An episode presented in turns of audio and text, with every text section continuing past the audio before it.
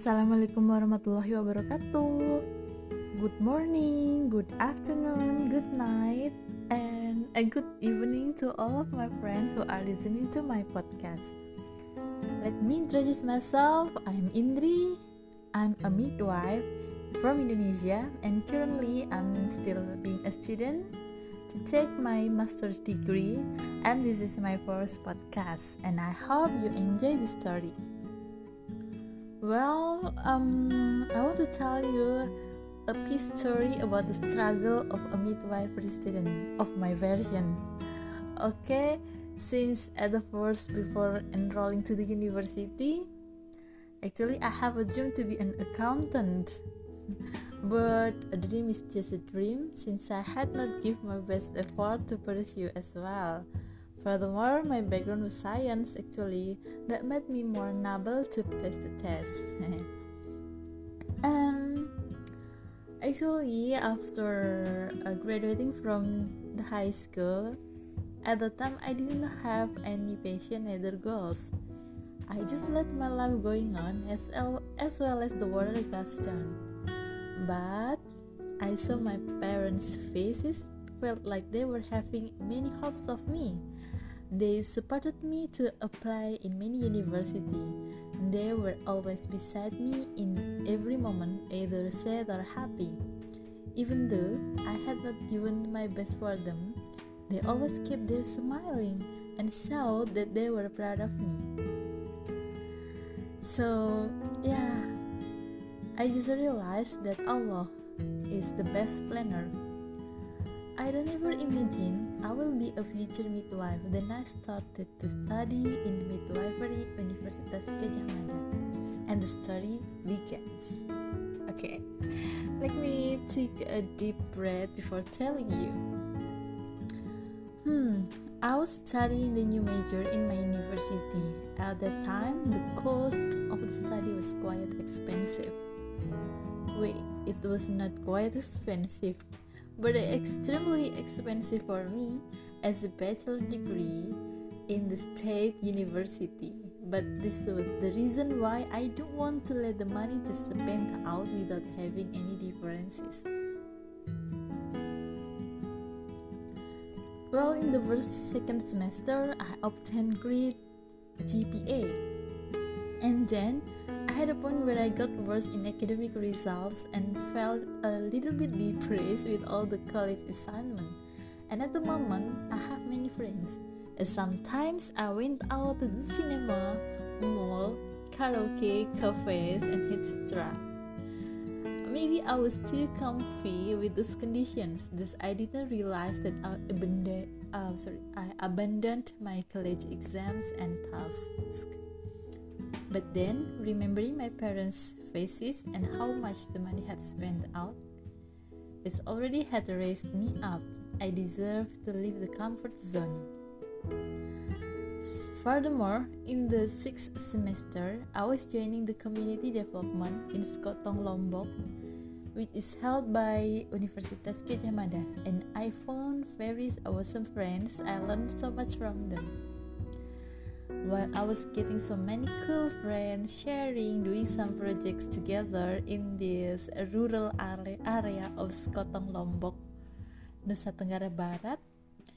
And then I see I was so how creative and independent my friends, and it all had encouraged me into a transformation.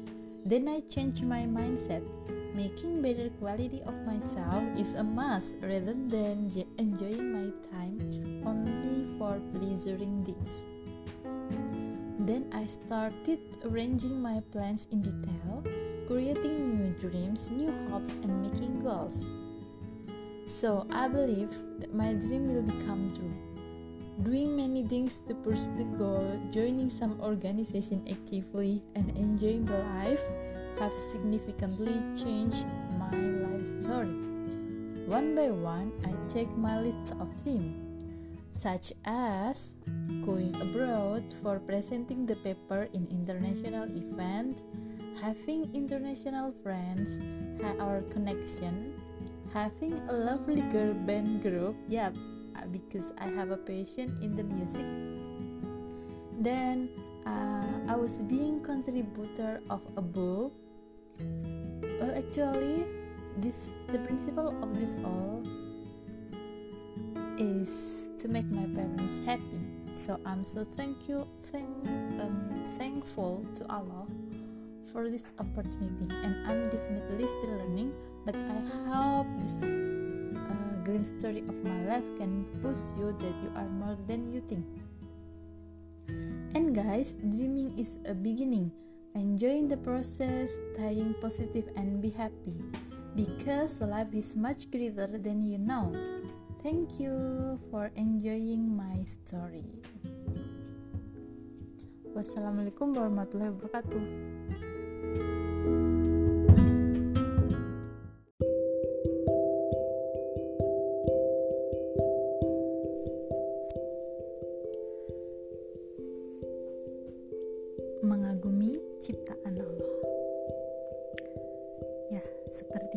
Baru kali ini aku memiliki perasaan yang sulit terdefinisikan.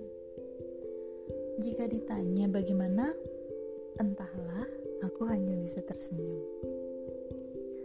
Jadi ingat setiap Ramadan di Jogja bersama teman dekatku, kami gemar banget mengikuti program itikaf di kampus. Perihal jodoh selalu menjadi topik utama yang aku sampaikan ke Allah melalui doa-doa di sepanjang malam. Dan setelah bertanya ke hati nurani, aku memohon kepadanya untuk dipertemukan dengan jodohku dengan kriteria dia yang bisa menginspirasi banyak orang.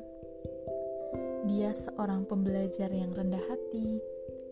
Dia yang punya value perjuangan, dia yang bisa memimpinku, memimpin banyak orang dan dia yang bisa diajak bekerja sama untuk menata mimpi dan juga berkolaborasi menuju masa depan denganku, menuju masa depan yang cerah. Nah, tapi semakin meminta dan semakin menyebutkan banyak keinginanku, rasanya sulit sekali untuk menemui sosok yang seperti itu. Terlalu fokus terhadap kriteria tertentu justru hampir membuatku terkecoh dan seolah memaksa diri untuk menyesuaikan kriteria tersebut dengan laki-laki yang pernah mendekat sehingga aku pun terjebak di tengah-tengah perasaan yang gundah gulana. Rasanya selalu saja ada yang mengganjal di hati, meski dipikir-pikir, hmm, si A sudah mirip dengan kriteria ini, tetapi hati terasa belum nyaman. Si B sudah mirip dengan kriteria itu, tetap saja masih tidak nyaman, padahal sudah istikharah ternyata aku lupa bahwasannya ada hal yang jauh lebih penting selama berdoa selain memohon dan meminta kepada Allah. Hal itu adalah berpasrah, menyerahkan segala keputusan kepada Allah, ikhlas, menyadari bahwa tiada daya dan upaya selain datangnya dari Allah. Sungguh kita hanyalah manusia yang teramat kecil. Dan suatu hari, dikala hati sudah berpasrah pada titik nol, kemudian datanglah seseorang yang mengetuk pintu hati dengan segala kriteria yang pernah aku doakan sebelumnya. Masya Allah. Alhamdulillah, apakah dialah jawaban dari doa dan penantian panjangku selama ini? Benarkah dia orangnya yang aku tunggu? Lalu kuulangi terus istikharah ini. Dan semakin hari, aku semakin merasa kagum dengannya. Semakin mendengarkan ceritanya, aku semakin terinspirasi. Dan soal masa depan, hati terasa nyaman dan aman. Entah perasaan apa ini, aku pun baru pernah mengalaminya. Tanpa banyak basa-basi, Ku ceritakan kepada orang tua hingga proses perkenalan keluarga dan lamaran pun tiba tanpa menunggu waktu yang lama. Terima kasih.